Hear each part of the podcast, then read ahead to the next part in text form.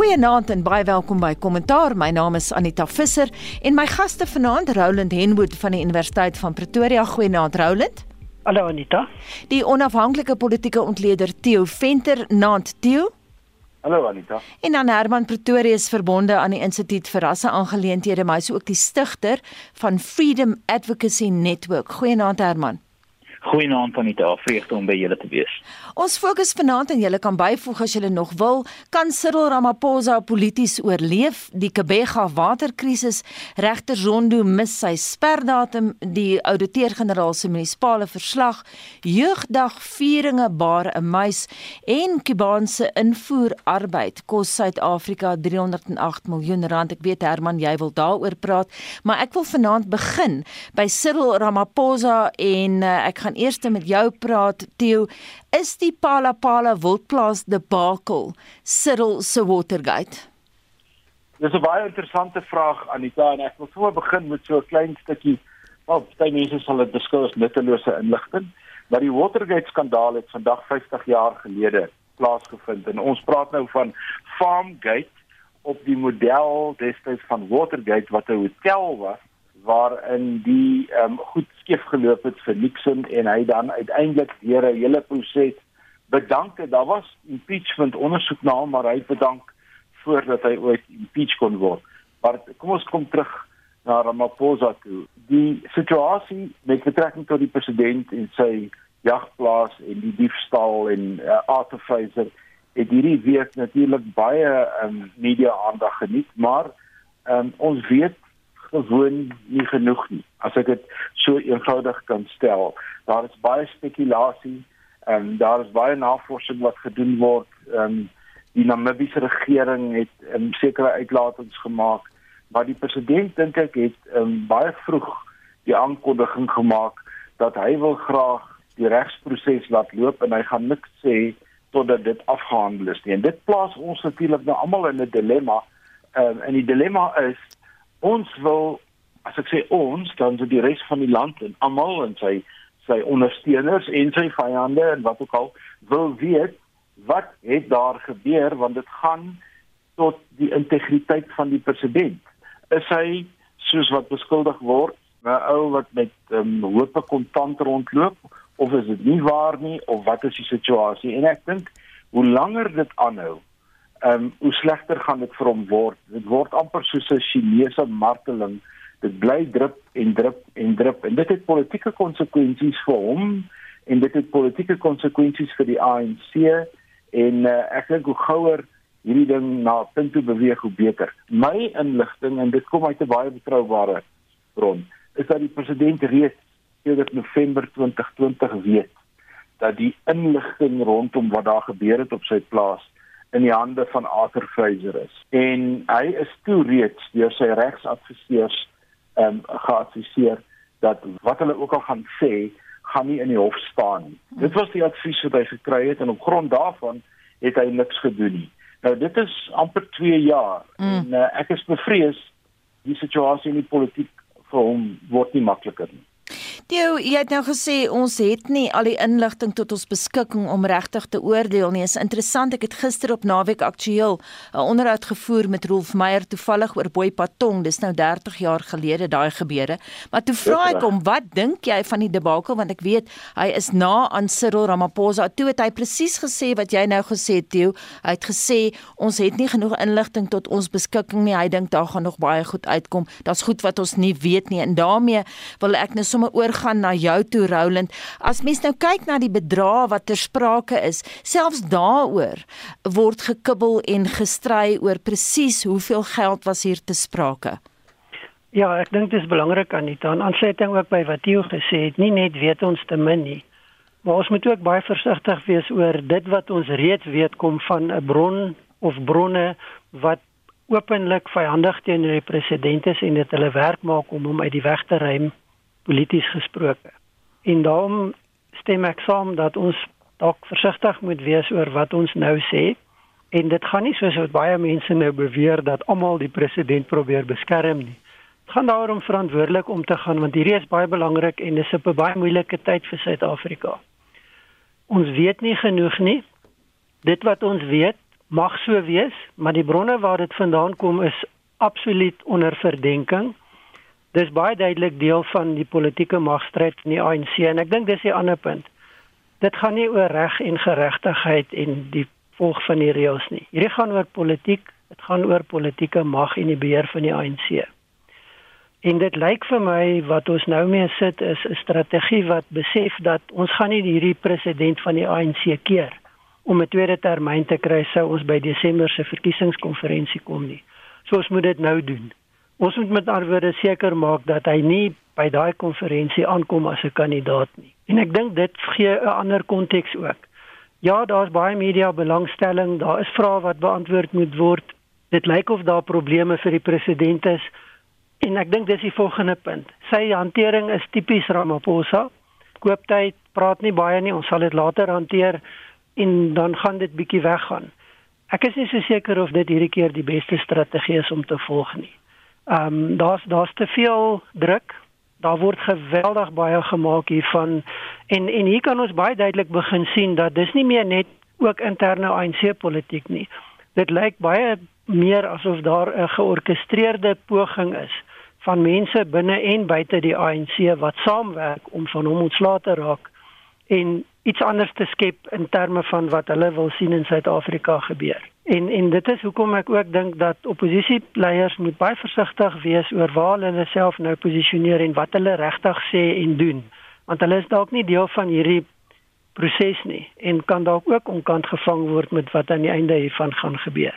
Watter raad sou jy vir Cyril hê, Roland? Jy sê hy kon dit hierdie keer, moes hy dit anders bestuur het. Wat sê jy hom aangeraai het om te doen? Ek dink in eerste plek die grootste fout wat hy gemaak het is om nie die storie oor te neem nie, maar te reageer op die druk wat op hom geplaas word en konstant besig is om dit te doen. Hierdie gaan oor sy persoon. Dit gaan nie oor die Zondo-kommissie, dit gaan nie oor een van sy ministers wat hy weet is 'n korrupte skelm en useless minister nie. Hy speel daai goed weg van homself af. Hierdie keer gaan dit oor homself en hy kry nie beheer oor die narratief oor die storie nie. Hy neem nie die inisiatief nie. Ek weet nie of dit onvermoë is en of dit nie goeie advies is en of dit so paniek is dat daar nie eintlik 'n antwoord is op wat om te doen nie. Maar maar dit is die eerste ding wat moes gebeur het en wat moet gebeur want weer eens soos wat jy gesê het, hoe langer hierdie ding so aangaan, hoe slegter gaan dit vir hom begin lyk soos wat die proses uitspeel.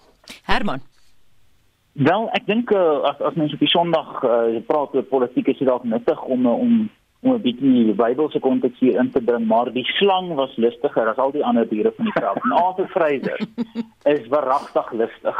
Ehm um, en en ek dink iets wat ons moet besef. Arthur Fraser is 'n vreesaanjaende, maar 'n formidable man. Mense praat met mense wat met hom te doen gekry het binne en buite die regering en mense besef hierdie is 'n swaar gewig perd. Nou ek sien weer so 'n swaar gewig in 'n in 'n prysende konteks te sit, maar hierdie ou meen besigheid. Die feit dat hy hierdie aantuigings bring, beteken na my mening een van twee dinge. Of daar is genoegsame bewyse om sy aantuigings uh, aan uh, die die die aantuigings te staaf. Of hy weet daar is genoeg dubbelsinnigheid dat die aantuigings nie doelbewus of direk as 'n uh, 'n uh, uh, onakkuraat bewys kan word nie.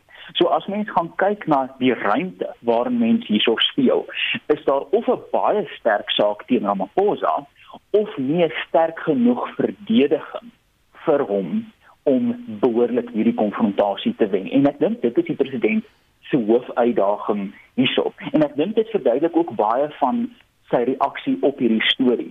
Nou president Ramaphosa vir al sy sterkpunte is 'n verbasende lomp politikus.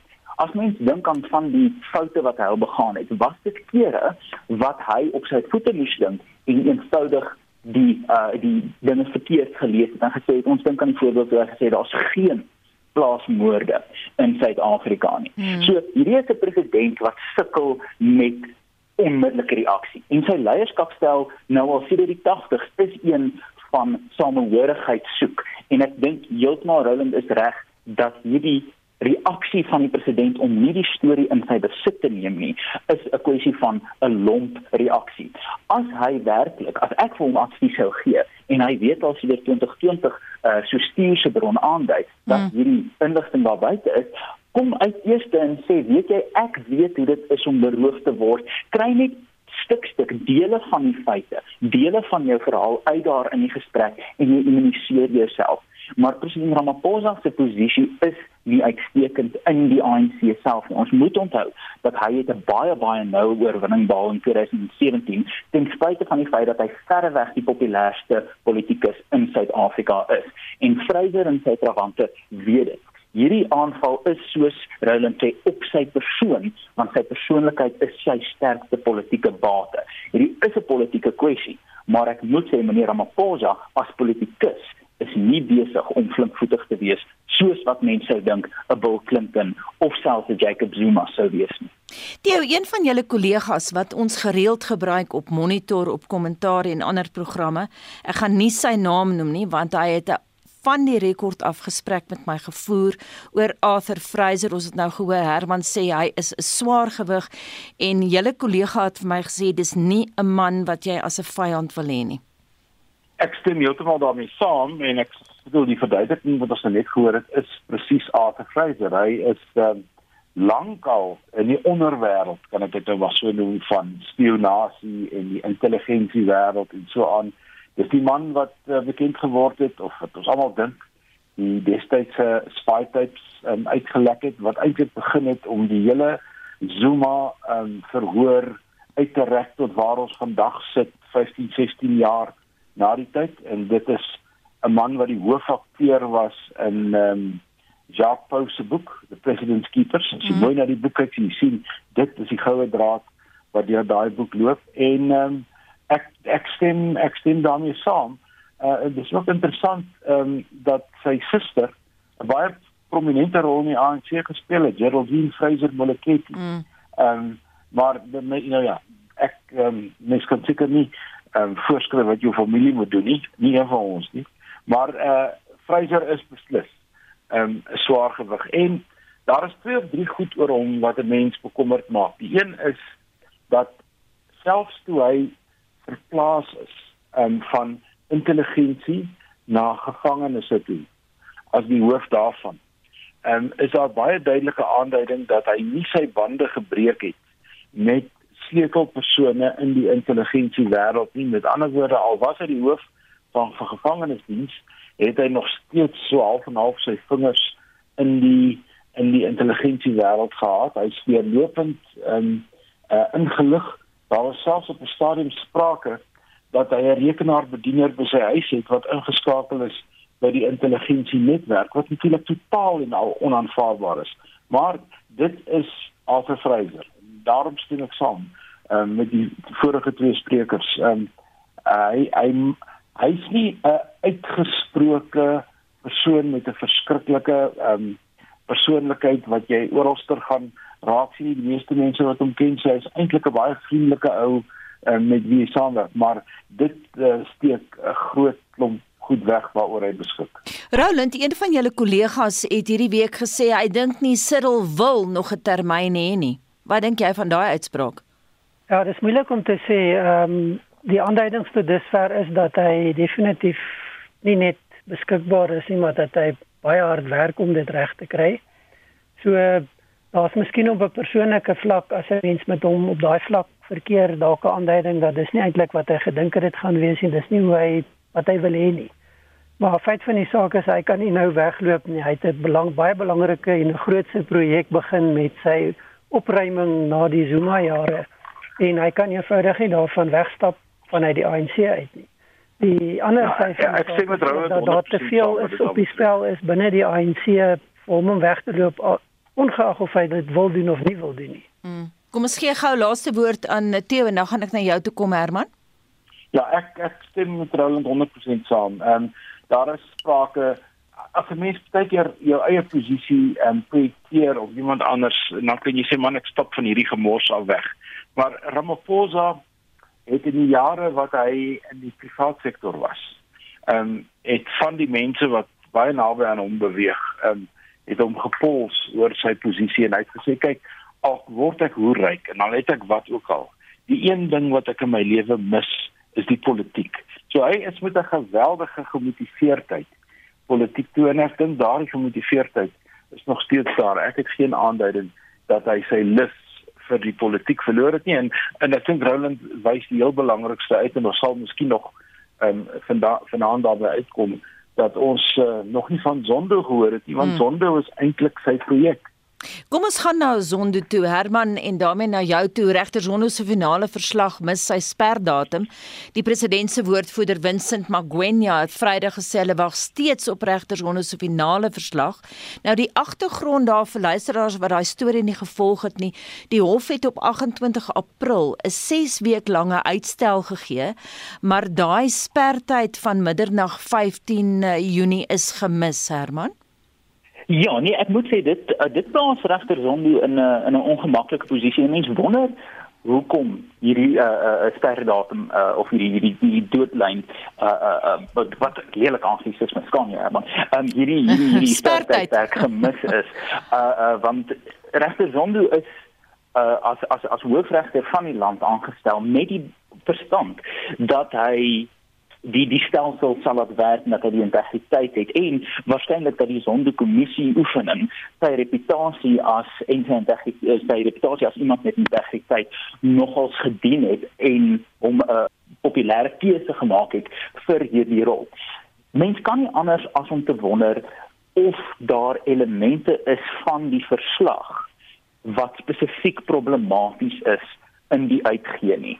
En hierby sonder om nou vreeslike, jy weet, rooi pen uh, potlood strepe te trek tussen verskeie onderwerpe, is daar ongetwyfeld die die die die spook van Arthur Fraser wat ook hier hang van ons verwag in die volgende uh, volume as dit ware van die sondekommissie se publikasies dat Arthur Fraser waarskynlik lelik gaan deurloop in uh regter sonde se bevindinge en daar is 'n vraag of meneer Vryder nou weer eens nie in 'n direkte rol hier enigstens uh, invloed uitgeoefen het nie, maar of die kompleksiteit rondom sy rol en die onlangse verwikkelinge dalk bydra tot sekere elemente van die verslag of die bevindinge wat dalk verskans moet word met verdere ondersoeke of wat dalk deur 'n uh, uh, uh, meer uh, intense feite toetsing of bevindinge toetsing moet gaan. Ek wil een ding wel net noem op die vorige onderwerp baie baie vlugtig. Ons moenie president Ramaphosa polities oorskat nie. En dit hy betrekking tot die sonde kwessie. Die sondeprojek behoort op tot 'n groot mate aan president Ramaphosa en dit is op 'n manier sy vlaggenskap projek teen staatskaping en teen korrupsie. Maar die interessante deel van president Ramaphosa is hy is 'n verbasende uh uh, uh hy's 'n politikus wat as mens regtig gaan kyk na die kere waar hy moes 'n geveg aansê, nie besonder suksesvol was nie. As mens dink aan uh die feit dat hy Mandela se gekose opvolger was en dat hy daai stryd verloor het teen Mbeki, as mens dink dat hy teen Nkosazana Dlamini-Zuma net net oorwin het, hy is nie 'n politikus wat werklik uh, uh die die die vuil gevegte um aansê met veel sukses nie. En die feit dat die sondekommissie nou hierdie een hukpunt het mag dalk vir hom 'n frustrasie wees omdat dit polities sy anti-korrupsie vlaggenskap projek op pad na Desember dalk 'n bietjie kan knielter. Roland ook belangrik hier is die feit dat deel 5 waarvoor ons nou wag van die Zondo verslag onder meer te doen het met die Gupta se landing by Waterkloof en dan die SAIK, né? Ja, en dan baie belangrik en ek dink nie ons moet dit uit die oog verloor nie, ook natuurlik uh, baie groot fokus op die intelligensiedienste. En dit mag dalk deel van wees wat gebeur. Ek ek dink ek op die stadium is moeilik om te sê ek lees nie te veel in ja dis 'n belangrike en en en regtens is dit belangrik dat dan mens kyk na die spertyd wat nie nagekom is nie. Aan die ander kant ehm um, het ons gewoond geraak dat dit het, dit is basies die patroon wat die sondekommissie gevolg het is dat daar telkens goed laat was daar's paar hof aansoeke ingebring om amptelik uitstel te kry So dit mag wees dat dit nou maar net eenvoudig die manier is dat hierdie kommissie nie anders kan werk as om op hierdie ek wil amper die woord gebruik en ek wil nie onbillik wees nie want ek weet nie maar ook uh, tot 'n mate bietjie onbeholpe funksioneer. Maar dit mag wees dat daar baie sensitiewe kritiese aspekte is wat hier ter sprake kom wat dalk weer na gekyk word veral in die lig van wat die afgelope tyd gebeur het. En en ek wil nie daardeur sê dat die of die implikasie skep dat die Sonderkommissie gelei word deur die politiek van die dag nie. Maar dit mag wees dat gebeure wat plaasvind op 'n bepaalde manier interpreteer word en dat dit problematies kan wees binne die konteks van wat gebeur. So ehm um, dalk is dit ook vir die president jammer dat daai laaste deel nie nou uitgekom het nie want dit sou waarskynlik baie vinnig die aandag begin verskuif het mm. na ander aspekte as wat nou gebeur. Ehm um, So en en dan natuurlik saam met dit die feit dat die Guptas in hegtenis van hulle die broers in hegtenis geneem is wanneer hierdie uitkom. Ehm um, ek dink daar's 'n hele klomp goed wat nou dit begin wys die momentum is besig om op te tel en daar's 'n bepaalde rigting waarna dit gaan. En en dit natuurlik weer eens dalk een van die redes waarom die beskuldigings en hierdie veldtog teen die president juis nou gevoer word. So ek ek dink nie hierdie sake staan los van mekaar nie. Ehm um, wat wel belangrik gaan wees is dat die verslag van die Sonderkommissie se gou as moontlik vrygestel word mm. want dit is besig om op baie vlakke 'n nagmerrie vir die president te word en ek dink ook vir mense wat wag om te kyk wat daar gaan uitkom. Dio? Ja, ek stem saam want onthou nou die verslag die of die vyfde gedeelte is 'n opsomming van alles wat gedoen is in die vorige 4 plus dis 'n samevatting van al die aanbevelings En dit is eintlik ehm uh, um, 'n sonderse mandaat, dis om ondersoek in te stel en met aanbevelings te kom. Nou die die rede hoekom uh, ek 'n bietjie meer bekommerd is, dink ek as Roland is die bekendstelling, die bekendmaking van die verslag aan die president het 'n uh, 'n uh, rimpel effek wat verder loop. En um, uiteindelik moet die verslag dan deur die parlement gehanteer word, die president moet dit hanteer. Hy moet uiteindelik vir ons sê wat hy daarmee gaan doen. En voor ons ons kom kry is ons aan die einde van die jaar en een van die dae binne 'n maand of wat hierdie ANC beleidskonferensie waar dit ook ter sprake gaan kom. So ek dink die agenda vir die tweede helfte van 2022 is besig om baie vol te raak. Sonder verslag druk 'n hele paar goed op 'n knop As jy pas by ons aangesluit het, jy luister na kommentaar. My naam is Anita Visser en my gaste vanaand Roland Henwood van die Universiteit van Pretoria, die onafhanklike politieke ontleder Theo Venter en Herman Pretorius verbonde aan die Instituut vir Rasseaangeleenthede, maar hy's ook die stigter van Freedom Advocacy Network. En daarmee wil ek nou jou toe Herman, een van die ander groot stories hier. Ons praat nou oor Zondo wat sy sperdatum gemis het, maar die ouditeur-generaal se verslag wat hierdie week vrygestel is toon dat slegs 41 van die land se 257 munisipaliteite skoon audits kry. Ek wil daai syfers tog herhaal. 41 van die land se 257 munisipaliteite kry skoon audits. Die Wes-Kaap vaar die beste, die Vrystaat die swakste. Geen verrassing daar nie of hoe, Herman?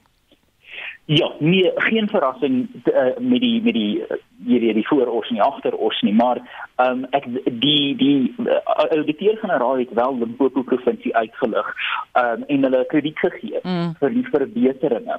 Ehm um, daar so, so as ware verrassing is is kom dit uh, uit Limpopo en uh en en, en ek weet nie of Suid-Afrikaners daai sin al gehoor het nie, maar die uh die die kwessie hierso is regtig daai uh 41 skoon audit. Maar die groter tema wat die ouditeur-generaal in haar verslag en in um in noudag se se se media konferensie um uiteengesit het was die sogenaamde disclaimer faktor. Ek dink die korrekte Afrikaans is 'n kwytskelding waar die ouditeur-generaal en haar hele span vreeslik gefrustreerd was met die feit dat dat klomp van die munisipaliteite eenvoudig nie betroubare finansiële state kon lewer nie mm. of in baie gevalle nie eens gereageer het of baie uh, stadig gereageer het op die ouditeur-generaal kantoor se navraag oor no noodwendige uh, belangrike dokumente nie. En daai tema is nogal 'n gevaarlike een uh vir die munisipaliteit en die ouditeur-generaal 'n besonder indrukwekkende dame um het nogal daarop uitgewys dat hierdie is 'n refleksie van die basiese dinge wat fout gaan. Hierdie is 'n refleksie van miljarde en miljarde rande wat verlore gaan wat die burger nie sien in forme van dienslewering of infrastruktuurverbetering nie, bloot as gevolg van jy weet baie baie basiese foute en baie basiese kwessies wat nie deur die munisipaliteite aangespreek word nie. Waar is die uh, uh die die stad en die, die, die munisipale en stadsbestuurders? Waar is die burgemeesters? Waar is die speakers van hierdie munisipale rade wanneer daar eenvoudige dinge soos verslae en belastingopheffings gegee moet word, maar of die munisipaliteite doen dit glad nie of hulle doen dit onbetroubaar of In een geval het 'n munisipaliteit 33 miljoen rand betaal aan 'n buitepersoon om van hierdie baie eenvoudige en basiese boekhou aktiwiteite te verrig. So as mens gaan kyk na die oorkoepelende kwessie, moet mens tot die gevolgtrekking kom dat die toestande van ons munisipaliteite is nie besig om te verbeter nie. In baie um, opsigte is om uit te boer, maar daar's so 'n groot vraag van basiese kapasiteit, basiese vermoëns om eenvoudig net boeke te laat klop en dan praat ons nie eers van die meer komplekse kwessies van hoe daai geld bestee word en so voort of die burger die resultate daarvan sien en dit is nogals wat vir my uitgestaan het uit die hele verslag en die ouditeur-generaal se voorleg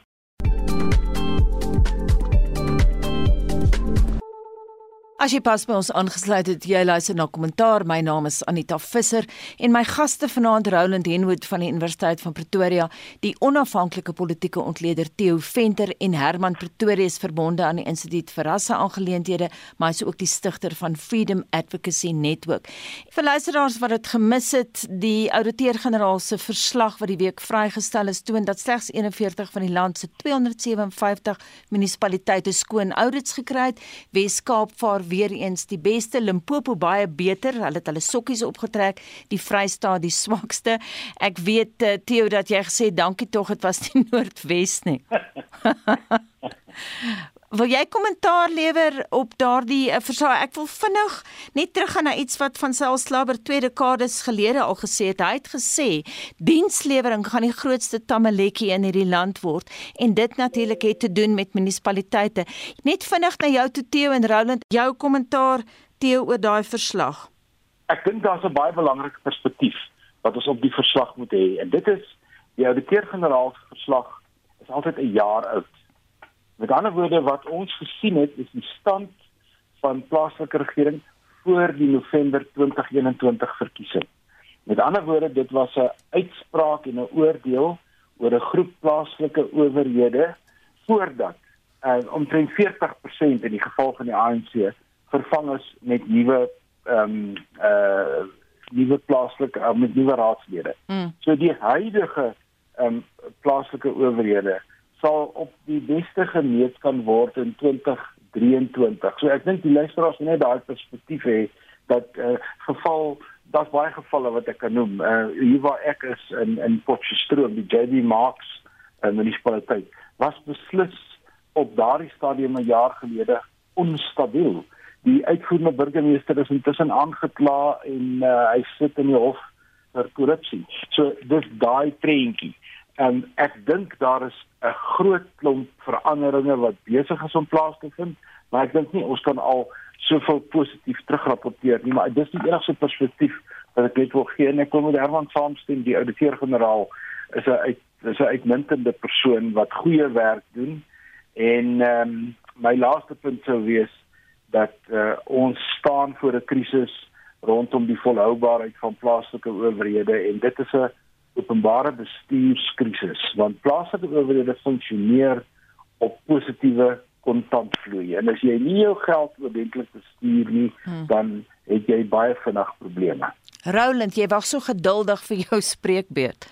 Een probleem, ek wil by Tieu aansluit en ek dink daar's twee belangrike punte. Die een is die die noodsaak van goeie bestuur van geld en kontantvloei. Ehm um, en en die feit dat veranderinge wat intree waarskynlik die prentjie klein bietjie kan verander. Ek ek wil die voorbeeld van die Tshwane Metropolitaanse Raad gebruik. Ehm um, baie drama hofsaake, oornames, administrasie van die provinsie en uiteindelik 'n koalisieregering na die vorige plaaslike regeringsverkiesing. En die eerste ding onthou in die proses is die Tshwane Metro afgegradeer omdat daar gesê is hulle kan nie hulle finansiële verpligtinge nakom nie. Mm. En die eerste ding wat die nuwe burgemeester en sy raad begin doen het was om 'n geweldige veldtog van geldinsameling te loods. Baie kritiek gekry. Hulle het sekerlik foute gemaak, um, dinge gedoen op 'n verkeerde manier, verkeerde mense of besighede ook betrek dink ek. Maar die feit is hulle het 'n baie sterk poging geloods. En die vereiste is vir 'n suksesvolle metro of munisipaliteit, jy moet 95% van jou inkomste elke maand realiseer. Die gemiddeld in Suid-Afrika lê baie laag. En ek dink dit is die belangrike punt en wat ons hier sien in in die Tshwane voorbeeld is die verandering wat intree en dan die klemverskywing na die 'n ander prioriteit wat gestel word. Die feit van dienslewering, dis 'n ander debat. Dit moet volg op hierdie prosesse, maar as jy nie die geld inkry nie en dit nie kan bestuur nie, dan kan jy niks doen nie. En en die tweede punt wat Theo maak is die kwessie van probleme rondom volhoubaarheid. Dit is baie interessant die die ehm um, Ratings Africa het 'n ontleding gedoen van die ouditeur-generaal se verslag. En hulle meting en interpretasie werk op 'n punteskaal uit 100 en volgens hulle is 'n raad wat onder 45 uit 100 lê, is nie lewensvatbaar nie. Hmm. En die probleem in Suid-Afrika is dat al die metro's lê onder 45. En die ander kleiner munisipale rade lê op 37 uit 100. Met ander woorde wat die wat die interpretasie vir ons sê is ons het nie volhoubare munisipale regering nie. En dit is 'n geweldige krisis en dis vir my verstommend hoe min aandag dit kry. Die hmm. die fokus is op swak bestuur en daar's weer 'n verslag uit maar die wesensprobleem word nie aangespreek, word nie gedebatteer nie. En dit is hier waar Suid-Afrika nie net in 'n krisis is nie, maar dit is waarskynlik hier waar die konstitusionele orde sy grootste bedreiging in die gesig staar. En dit kan tot 'n krisis lei, konstitusionele krisis. En ek dink dit is iets wat baie baie meer aandag sal moet kry in die toekoms. Herman, ek wil gaan na Mpumalanga toe. Dis my tuisprovinsie en ek het ruk gelede verskeie onderhoude gevoer met Mashishing. Dis nou die ou Leidenburg waar um, ons gepraat het oor die feit dat as jy 'n munisipaliteit onder administrasie plaas, help dit ook nie altyd nie. Het jy kommentaar daarop te lewer? Ja, weet jy want dit gaan oor mens oor die die die integriteit of die diepte van jou jou jou weg. Ja wil nou 'n rugby metafoor gebruik maar ek kom nou net na my toe in Engels. Maar dit dit dit gaan oor of jy 'n reserve span het wat die moeite werd is. Um in provinsiale regering en 'n nasionale regering. Um in hierdie geval van Limpopo waar hulle hulle bietjie hulle sokkies opgetrek het gaan kyk mense en dan sien mense dit is baie keer die provinsiale regering en veral die provinsiale tesourie en die uh, provinsiale premier wat seker gemaak het dat die laer vlak van plaaslike regering 'n bietjie bykom. So wanneer 'n munisipaliteit in moeilikheid uh, uh, uh beland, is daar 'n vraag van het die provinsiale regering genoeg kapasiteit, genoeg van 'n reserve ingrypspan om te kon help op plaaslike vlak en natuurlik dit spoel dan oor nasionaal ook uh in die staatsdiens uh uh se se se kapasiteit in. En hier sien mense 'n interessante kwessie. As mens gaan kyk na nou ek gaan dit gaan klink as 'n bietjie Bobbejaan agter die uh, bult gaan haal maar ek belowe die Bobbejaan hardop vinnig. Munisipale stadsbestuurder van Johannesburg is tans 'n uh, 'n tydelike pos op soek na permanente aanstelling met die twee kandidaate van Johan Netler en Floyd Brink. Floyd Brink is die uh, is die uh, tans die tydelike uh, stedelike bestuurder en hy kom met 'n ongelooflike aantal bagasie na die rol toe uh aanklagtes van korrupsie, koneksies met die EFF, aantuigings van kontrakte wat onder sy toesig was uh uh in die in die uh, Johannesburgse staatsdiens uh, dit verkeerlik toegeken is vir sekuriteits uh kameras en so meer. Dan vergelyk jy hom met die ander kandidaat vir daai pos, Johan Metler. Nou Metler is een van daai staatsdiensamptenare wat Suid-Afrika op kan trots wees, maar wat niemand regtig van weet nie. Hy is een van daai mense wat alweer Pravin Gordhan en Tito Mboweni gevra is wanneer daar 'n munisipaliteit is wat in die moeilikheid is word Metler as dit ware gestuur as 'n superheld en gaan sê gaan sorteer iets uit en hy het 'n wonderlike trek rekord van hierdie munisipaliteite werklik help na 'n posisie waar hulle dalk weer die lig kan sien. En die feit dat ons kyk na 'n politieke spanning, 'n politieke situasie in Johannesburg waar iemand so uitstaande soos Metler sukkel om aangestel te word as die stedelike bestuurder vir Johannesburg dui vir ons daarop dat baie van hierdie probleme kom neer op die gehalte van politici wat ons op plaaslike verkiesing 'n uh, uh, basis uh verkies uh, en en aan te stuur om ons te verteenwoordig. So wanneer ons gaan kyk na die ouditeur-generaal se bevindinge en ons wonder oor die gehalte van ingryping van jou provinsiale en jou nasionale regerings, moet ons besef dat daai rolle het 'n politieke dominasie waarin dit kom waar die burger 'n verantwoordelikheid het om nie net te sê weet jy ek stuur 'n WhatsApp na my raadslid nie, maar ook om te gaan en aktief deel te neem waar die geleentheid bestaan om te sê nie net het ons die politici in die plekke, die regte politici vir wie ons stem het nie, maar is die administratiewe ondersteuning van die staatsstelsel op plaaslike vlak werklik so goed as wat ons hom wil hê. En die burger is baie baie traag om daarbey betrokke te raak. So ek dink as ons gaan kyk na iets soos die die ekosisteem van, uh, verantwoordelikheid waarvan die ouditeur-generaal gepraat het, moet ons dalk 'n bietjie aan ten eie boesem steek as burgers en gaan, weet jy, ons kan nie net sê ag, kyk die munisipaliteite maak droog nie, want daar's twee vlakke waarop ons betrokke moet raak. Ons moet stem en tweedens ons moet deurgaans betrokke raak nie net in die drama van die politiek nie maar in die vervelige dog belangrike kwessie van die administratiewe kapasiteit van ons munisipaliteite. En daai pleidooi kom van Herman Pretorius. Ek wil aanbeweeg na die Kebega waterkrisis. Ek het hierdie week met die voormalige hoof van die Suid-Afrikaanse Siviele Ingenieursvereniging, Dawie Botha, gepraat vir agtergrond en navorsing en so. En hy het vir my gesê daar's genoeg water in die Gariepdam oor die afgelope paar jaar gewees, maar die pyplyn was te klein. Dis tog 'n probleem wat voorsien kon gewees het. En hy sê ook die ooste kant van Kebega kan gevoer word uit die Oranje rivierstelsel. En dan het hy verwys na uh, daar is 'n probleem met 'n verbinding van die Gariepwaterstel na die weste kant van Kebega. So hy het gepraat as 'n ingenieur, so hy het nou nie polities gepraat of enige kommentaar gelewer op uh, die munisipaliteit se vermoë om die krisis te bestuur nie. Hy het tegnies gepraat en dit was vir my tog interessant, Theo. Hy was prakties oor hoe hy gekyk het na daai waterkrisis wat hy dink voorsien kon gewees het. Wel, hy is heeltemal reg. Een van die motiverings vir die bou van wat ons nou ken as die Gariepdam, voormalig dink ek dit was die Verwoerdam, het was in die 50er en die 60er jare was die motivering om water aan die Oos-Kaap te lewer wat van tyd tot tyd soos ons weet geken word deur langdurige droogtes en en en 'n 'n waterprobleem. Maar ons is in Suid-Afrika bevoordeel om te kon gesien het hoe 'n ander provinsie, die Wes-Kaap, 'n uh, 'n soortgelyke probleem bestuur het 'n jaar of twee gelede.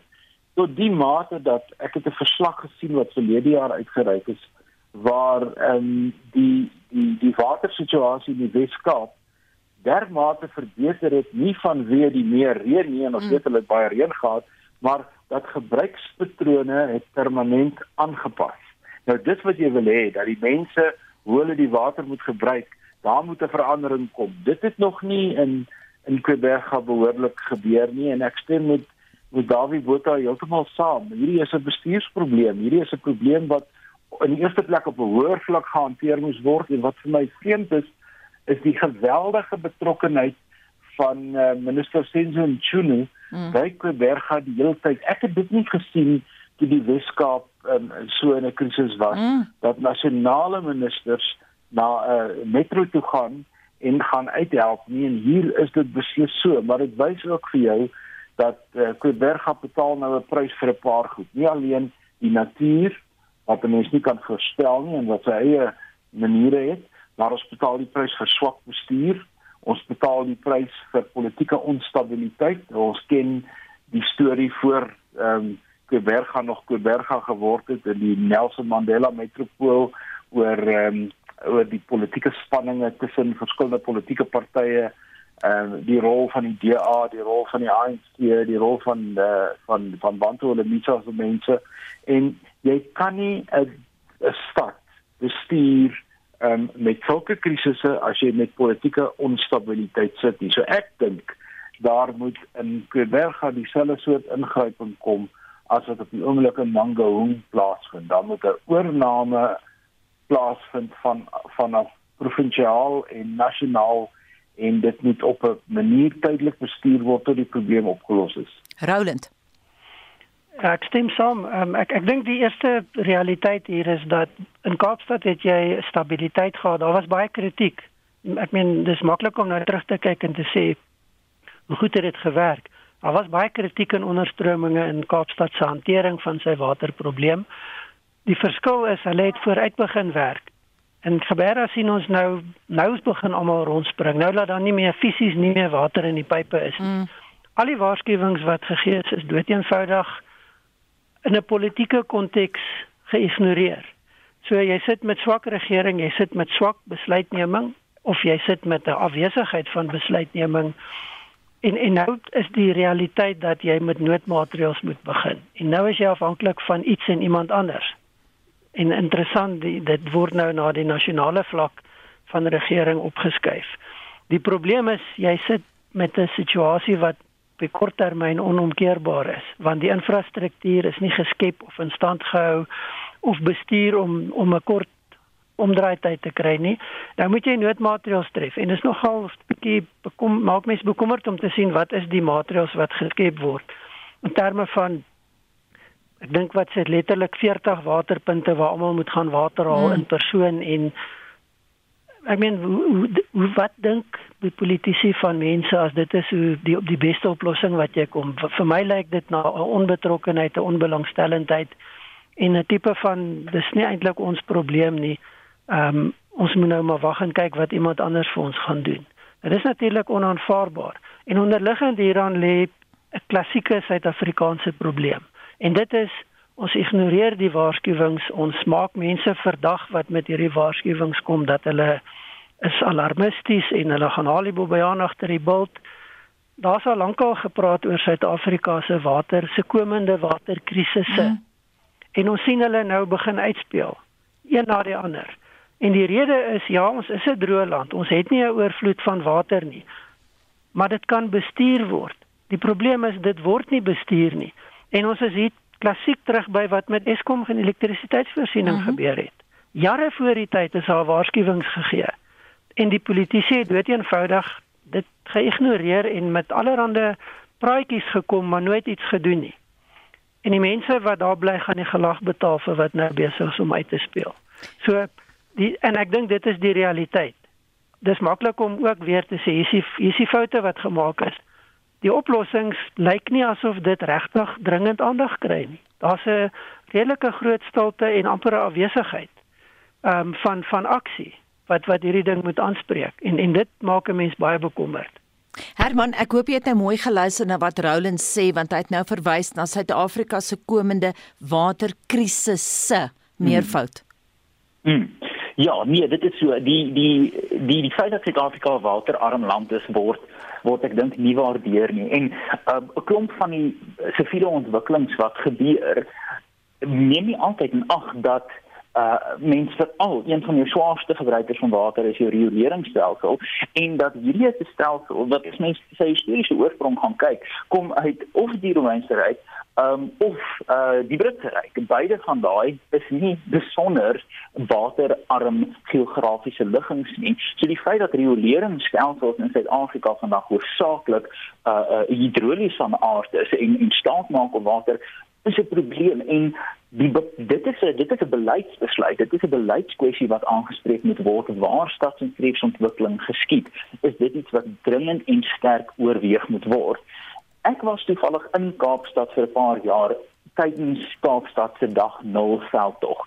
En ek moet sê daai die die die effek uh, op my gebruik van water uh, as persoon duur tot vandag toe nog voort waar mense bewustheid het uh, van jy weet hierdie hierdie tipe water skaarshede en wat jy kan doen en en werklik hoe skoon jy kan kom in 45 sekondes maar ons hoef nou nie daaroor te praat nie maar die ouditeur-generaal om nou om 'n lissie terug te trek na vorige onderwerp. Die ouditeur-generaal maak hierdie punt so perfek dat waar basiese bestuur be, uh, uh, bevoegdhede ontbreek, is die gevolg daarvan nie net kolomme op 'n Excel spreadsheet wat nie mooi klop nie. Dit is munisipaliteite en stede en plaaslike regerings wat nie toegerus is met die nodige hulpbronne of wat nie gereed is vir 'n eventualiteit soos 'n droogte of 'n ramp van watter aard ook al nie. En dit is wat ons nou wel hierso sien ek sien ook nog met hulle met die bestuurskwessie hmm. politieke kwessie. Julle julle sê almal dieselfde. Ek wil aanbeweeg na jeugmaand en jeugdag. En Theo, dit lyk vir my jeugdag het 'n muis gebaar. Ons Engelse kollegas het geskryf uh, it has lost its power. Youth Day loses power. Jou kommentaar op daai stelling. Ek het dieselfde indruk gehad. Daar was min om oor opgewonde te wees. Die president het sy toespraak gehou soos hy elke jaar op 'n op 'n ander plek doen. Ehm um, ek dink op jeugdag self was mense meer begaan oor die vragmotorstaking op die N3 en die mm. N12 en en uh, die brandstofprys en 35 36% werkloosheid en 50 60% jeugwerkloosheid en ek dink Roland het net verwys na Suid-Afrika te klomp gelyklopende krisisse en ek dink dit het wat um, jeugdag um, in die verlede was en en en meer gevier is heeltemal gedemp. Ek stem heeltemal daarmee saam. Ek wil tog net verwys na 'n onderhoud wat ons gevoer het op Naweek Aktueel dat ek sommer net sê luisteraars, julle kan gerus luister Saterdag tussen 12 en 1. Ek bied die program aan. Ons het gister gefokus op jeugdag en toe verwys na Nadia Chokli. Sy is nou hoof van werwing by die Suid-Afrikaanse Beenmurg uh register en sy het gesê is wonderlik wat jong mense doen. Hulle die afgelope jaar alleen het die register 'n toename van 65% in jeugregistrasies gehad waar hulle hulle aangemeld het uh en dit het die skenkerpool natuurlik in die etniese diversiteit verbreed. So ek dink Viva vir die jeug, ek dink dit is 'n positiewe punt wat 'n mens kan maak Roland. Ja, nie te baie belangrik. Ek dink wat ons sien is dat die die politieke gebruik van jeugdag is besig om sy trefkrag te verloor. Ehm um, dit word oorskadu deur al die ander dinge, maar dit is ook uitgemergel deur die konstante stroom van beloftes en mooi praatjies wat tot niks lewer nie. Wat tog interessant is is die alternatiewe wat besig is om te begin vorm aanneem. Ehm um, op jeugdag was daar meer as 1000 jong mense wat na die Unie geboue toe gegaan het om te betoog met baie spesifieke eise. Mm. En dit was 'n koalisie van jeugorganisasies oor 'n baie breë spektrum, universiteite en anders skoolvlak. Ehm um, nou dis georganiseer onder andere deur die Ahmed Kathrada Stichting en en ander. Maar ek dink die belangrikheid daarvan is dat dit wys dat die dat 'n groot klomp ek wil dit noem denkende jong mense begin op 'n ander manier inspel op 'n simboliese dag soos jeugdag, weg van die partytetiek. Ehm um, Malema het dit gebruik om stemme te werf. Steenhuisen het dit gebruik om die ANC swart te smeer en Ramaphosa het weer gaan beloftes maak. En en en ek ek wil nie oppositieleiers afkraak nie, maar dis 'n stereotipe benadering. En hier sien ons dat iets anders begin gebeur. Daar daar's vir my twee onderliggende ehm um, beginsels hier. Die een is dat ons weet jong mense neem nie in groot getalle aan verkiesings deel nie. Hulle het nie vertroue in daai stelsel meer nie. Mm. Maar dat jong mense polities betrokke en aktief is, is 'n feit. Ons moenie dit onderskat nie. En dit is een van die bronne van energie wat hopelik in die toekoms bietjie beter gekanaliseer kan word om ook bietjie meer druk te plaas op die plekke wat saak maak, maar ook tot 'n ander interpretasie kan begin lei. Die die die stereotipe uitbeelding van jeugdag en die misbruik daarvan vir politieke gewin gaan dood eenvoudig nie meer werk in die toekoms nie. Ek wil teruggaan vinnig na jou toe Theo. Jy het nou verwys na die vragmotorstaking. Eh dit het amper die aandag afgetrek van waaroor jeugdag nou eintlik gaan. Ek weet dis een van die goed waaroor jy wou gepraat het vanaand was juis die vragmotorstaking. Ja, nee, absoluut. Um, en die die ekonomiese skade wat daardeur berokken word um, net op die N3 as mens teruggaan na verlede jaar met die uh, onrus in KwaZulu-Natal en um, het ons 'n soortgelyke um, uh, ding ervaar. Die N3 het die ekonomiese lewensaar van Suid-Afrika geword. Dit is waarskynlik die die die handel tussen die tussen Gauteng en KwaZulu-Natal Durban. Ehm um, is ehm um, seker ons belangrikste lewensare en ek dink dit is eenvoudig ontoelaatbaar dat ehm um, iets gebeur soos hierdie staking en dat die regering eintlik by onmag is om daaroor in te gryp. Ehm um, vandag terwyl ons praat is daar nou onderhandelinge aan die gang. Ehm um, en ons het nou nog niks gehoor wat vir Kile en Balula um, ooreengekom het nie, maar die eise wat die vragmotorbestuurders het, naamlik dat buitelanders nie gebruik mag word of dat hulle te veel gebruik word, is natuurlik 'n verskriklike moeilike ding om te hanteer. 'n uh, 'n groot persentasie van die ehm um, vervoer op die op die N3 kom uit Zimbabwe en kom uit Malawi en kom uit Zambië en dit is 'n dis 'n reeks van van produkte van koper regdeur tot by 'n landbouprodukte. Die vraag is moet en hierdie vragmotors dan wanneer hulle by ehm um, Messina oor die grens kom, moet hulle dan van bestuurders verander of hmm. wat moet hulle doen? En dan is daar ook natuurlik binne in die vragmotor omgewing 'n um, 'n uh, 'n uh, soort van 'n ek sal dit noem 'n boewe element, um, in Engels 'n rogue element. En dis die manne wat op die op die paaie is van 11 in die aand tot 4 in die oggend. En hulle is deel van hierdie probleem. So ek dink dit is 'n baie komplekse probleem en deel van die oplossing is nie noodwendig om die vragmotors beter te bestuur of vragmotor bestuur nie, maar om ons spoorlyne te kry dat hulle die swaar goederes vervoer en dat ons die regte produkte op die regte manier vervoer. Dit is eintlik die groot uitdaging. Theo, ek wil uh, vir Herman Pretoria se kans gee laaste woord aan jou. Ek weet Herman, jy wou baie graag praat oor invoerarbeid wat Suid-Afrika so baie kos. Ons het nie vreeslik baie tyd oor nie, maar spreek jou woord. Baie baie dankie Anita. Nee, ek moet sê om om hierdie drie kwessies bymekaar te bring, die 308 miljoen rand wat die regering spandeer is op Kubaanse dokters en ingenieurs. Ehm um, die jeugdagvieringe wat 'n uh, bietjie van 'n van 'n van 'n nagvaardig was polities en dan die kwessie van uh, die die vragmotorstaking hierdie drie goeders vloei eintlik saam en en dit is dalk uh, braaf om die punt te maak maar 'n uh, gety 'n gety wat styg uh, lig alle bote. En die jeug van Suid-Afrika sit met 'n werkloosheidssyfer op die uitgebreide uh syfers van amper 75%. Daai word veroorsaak deur 'n skoolstelsel wat eenvoudig nie jeugdiges uitstuur met uh uh die vermoëns om deel te neem aan 'n ekonomie en waarde by te dra mm. en 'n lewe vir hulle self te bou nie. Dan is daar die minimumloon kwessies wat basies die basis die die laagste range van die werksleer uithaal vir die jeug.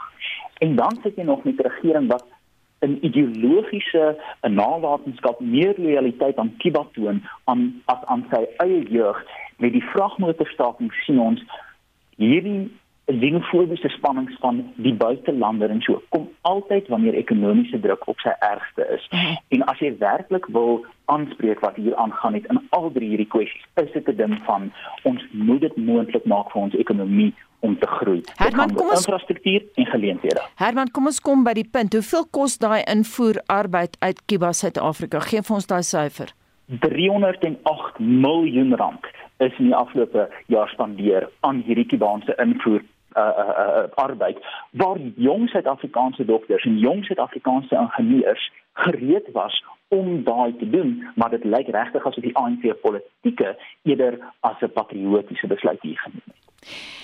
Dit lyk my ons sal moet groet nou want ons is aan die einde van die program maar baie interessant wat jy gesê het luisteraars wat uh, daai gemis het. Ek het self nie geweet dis so baie nie invoer arbeid uit Kiba kos ons 308 miljoen rand. En op daardie noot sal ons moet groet. Baie dankie Herman Pretorius vir daai navorsing en agtergrond. Baie dankie vir jou deelname vanaand groot plesier Anita En dan het ons ook gepraat met Roland Henwood, ontleder wat ons dikwels gebruik op RSG. Baie dankie Roland vir jou navorsing en jou agtergrond. Dankie Anita, totsiens. En dan heel laaste baie dankie aan Theo Venter wat nou professor in praktyk aan die Universiteit van Johannesburg is. Theo Venter, dankie vir jou insette vanaand. Altyd my plesier.